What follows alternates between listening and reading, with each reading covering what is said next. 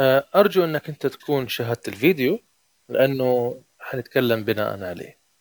فإذا ما شفته وقف هذا المقطع الصوتي وشاهد الفيديو. جيد؟ شكرا من كل قلبي. أما إذا شفت الفيديو فكمل معايا الآن. طبعا هذا الفيديو بعنوان أنت الشخص الوحيد كن أنت المنقذ. كن أنت المنقذ. الهدف من وجود الأحداث والمواقف الصعبة اللي مرينا فيها هو علشان باختصار تسترد سعادتك تسترد نجاحك. هو كان موجود أنت كنت تمام حياتك كانت زي الفل لكن فجأة الدنيا دربكت. ليه؟ ما كان في تقدير بما فيه الكفاية للسعادة ما كان في تقدير بما فيه الكفاية للنجاح. إحنا صغار كنا أوكي كنا زي الفل بس لما كبرنا شوي صرنا نسمع هو أنا قاعد على بنك وأنت شايف الحياة سهلة وأنت شايف الحياة يعني آه، حتفرش لك ورود وتخليك مبسوط. وللأسف الإصرار موجه في هذه الزاوية. الدفاع عن أنا قاعد على بنك الدفاع عن الحياة صعبة وانت فاكرها سهلة انت عمال تضحك على نفسك انت قاعد عايش في أوهام انت انت.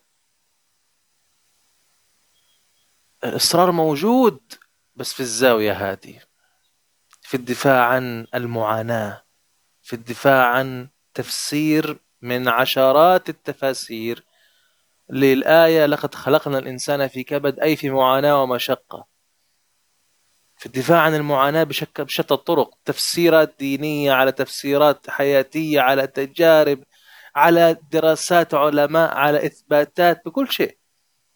إذا حاب تعرف أنه المعلومات قابلة للتغيير نظرتنا قابلة للتغيير أعطيك ببساطة يعني.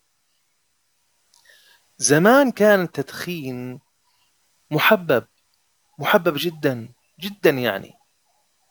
وكان عليه إصرار عجيب. التدخين أيوة التدخين وكان آه، في فيديو يعني صورة ممكن أشارككم إياها لاحقا يعني. صورة بتقول إنه آه يس هذه الشركة هذا الدخان علبة الدخان هذه آه هو الدخان المفضل لأبوك. هذا الدكتور مش عارف اسمه مين يحب أن يدخن هذه الشركة من الدخان. هذه العلبة يعني من الشركة هذه. كان في تسويق عادي يعني. اليوم اختلفت. تحول الإصرار من إصرار ترغيب إلى إصرار ترهيب إنه ما يصير وغلط ومش عارف إيه وكذا. والتدخين يدمر الصحة ويسبب الوفاة. يا ترى هذا الإصرار توجه من هنا لهنا ليش؟ أكيد في حاجة غامضة صارت. مش حنركز عليها ولا حنشوفها. بس إنه فكرة باختصار أكيد القصة لو بحثت عنها حتلاقيها. لكن اللي أنا أقصده هل أنت الإصرار اللي أنت فيه الآن هو إصرارك أنت أم إصرار غيرك خلاك تسويه وأنت حسبت إنه تبعك هذا الإصرار؟ هذا اللي أنا أقصده. في ناس مستمرين على إصرارهم ويعتقد أنه هذا إصرارهم وهو ليس بإصرارهم ولا علاقة إصرارهم بحياتهم.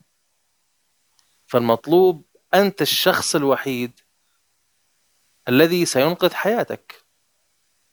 لا تنتظر بهذا الإصرار أنك أنت تركز على ناس أنه ينقذوك ويساعدوك ويناصروا أعدائك ومش عارف إيه وكذا. شفناهم صح؟ شفناهم سبعين سنة ثمانين سنة شفناهم. ما في شيء. تحررت فلسطين؟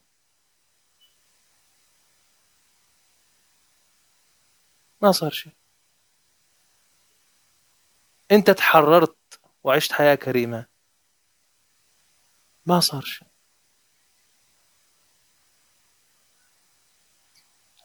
النقطة هذه يعني أنا بالنسبة لي بيجيني غليان فيها شوي لما أتكلم فيها. بس المرة هذه حكون هادي شوية.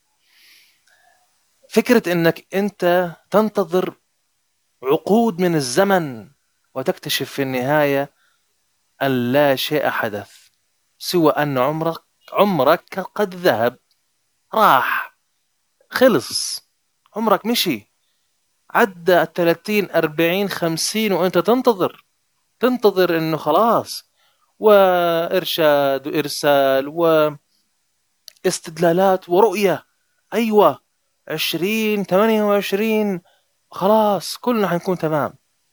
وأمورنا تمام. هذه تربينا عليها. صح؟ وقالوها في الأول 2024 وقالوها سنة 90 وقالوها 2012 وبعدين صار شيء؟ ما صار شيء.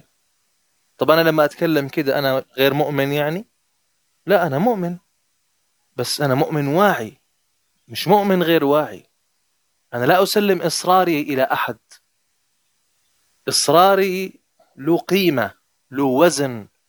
أنا أصر على حاجة تستاهل وتخدم حياتي وتخدم حياة الناس اللي حولي اللي يبغوا يغيروا حياتهم. لن أناقش ولن أنتقد ولا أهاجم ولا شيء ولا أسمح نهائيا يعني. أنه يكون في أي نوع من الجدال في مسألة لها علاقة برواية أو تاريخ أو أنه شيء خلاص أنه خلاص إحنا هنعيش وحنشوف هذا الشيء. يعني مثلا الناس أعطى تركيز هذه الفترة أنه خلاص الإنترنت حيقطع. أوكي وبعدين تعرف هذا إيش معناها؟ معناها أنك أنت ما حتسوي ولا شيء. معناها أنه أنت حتنتظر معاد انقطاع الإنترنت.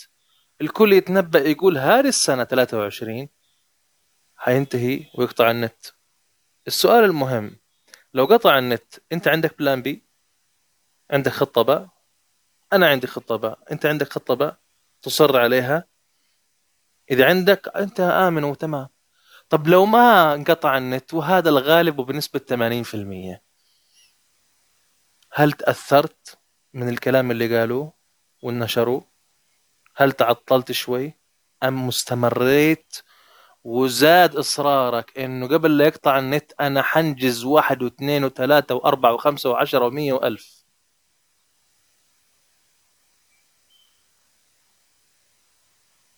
الناس اللي تؤمن بالفكرة زي هذه الفكرة فهي تؤمن بما يشبهها. تعرفوا مين اللي أقصدهم؟ اللي هم إذا آمنوا خلاص وقالوا إنه حيقطعوا النت خلاص. هم نفس الناس اللي يؤمنوا بأن الساعة بمعنى يوم القيامة خلاص اقترب معادها هم نفس الناس اللي يؤمنوا بأنه في حرب عالمية ثالثة وبعد كده حيظهر من ينقذنا. وإحنا أصلا مو مستعدين عشان نرحب فيه. يعني إحنا أقرب ل يعني يعني أكثر أكثر شخص حيكون جاهز ويظبطنا يعني إحنا تظبيط هو المسيح الدجال يعني. وليس المهدي المنتظر. ليه؟ لأنه لاحظ في نسبة كبيرة من الناس ما هي مستعدة أصلا ولا هي حاطة النية هي تنتظر الكل ينتظر. وبضعف شديد. خذ الحمل كله وانقذنا الله يرضى عليك. وين ينقذنا إذا هو كذا شاف المنظر يعني ما نفس الكلام على فكرة. لما تعرفوا يعني واحد يكون في شركة مثلا وشركه بتنهار بسبب موظفين فاسدين. فنقول ننتظر مين اللي ينقذنا. فيجي الشخص يشوف الدنيا هذه صعبة ويشيلوه الشيلة كلها. ولما هو يفشل وهو مو ذنبه يحاسب على هذا الموضوع. ومن ناحية ثانية الموظفين الفاسدين يحطوا اتهامات وراها يلا. إذا هي ما تمشي كذا. هي تمشي بكما تكونوا يولى عليكم. هي تمشي بأن الله لا يغير ما بقوم حتى يغيروا ما بأنفسهم. هي تمشي أنا عند ظن عبدي بي فليظن بي ما شاء.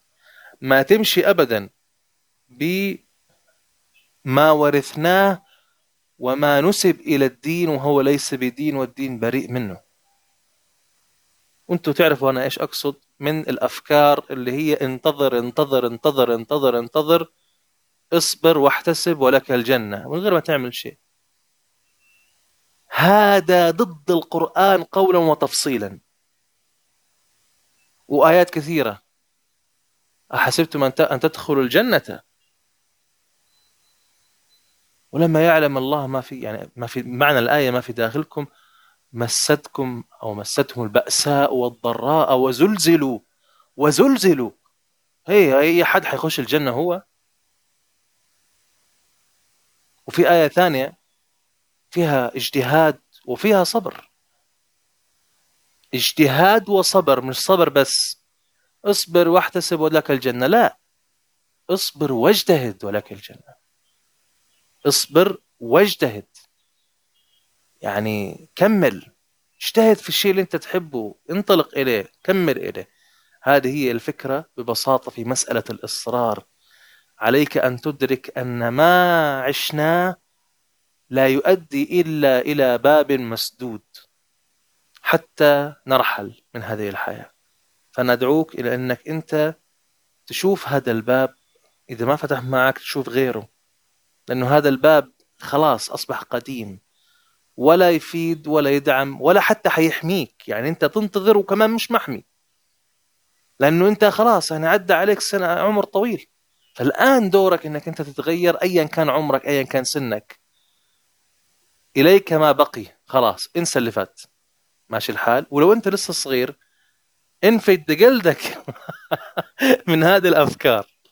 أوكي؟ فقانون الإصرار ركز على ما يدعم حياتك. راجع معتقداتك عن الحياة راجع أفكارك عن الحياة راجع مشاعرك. أنت إيش المشاعر المتكررة خلال اليوم اللي أنت بتتصل فيها؟ إذا مش حلوة عدلها اطلب من داخلك مشاعر أحلى. هذه هي ببساطة.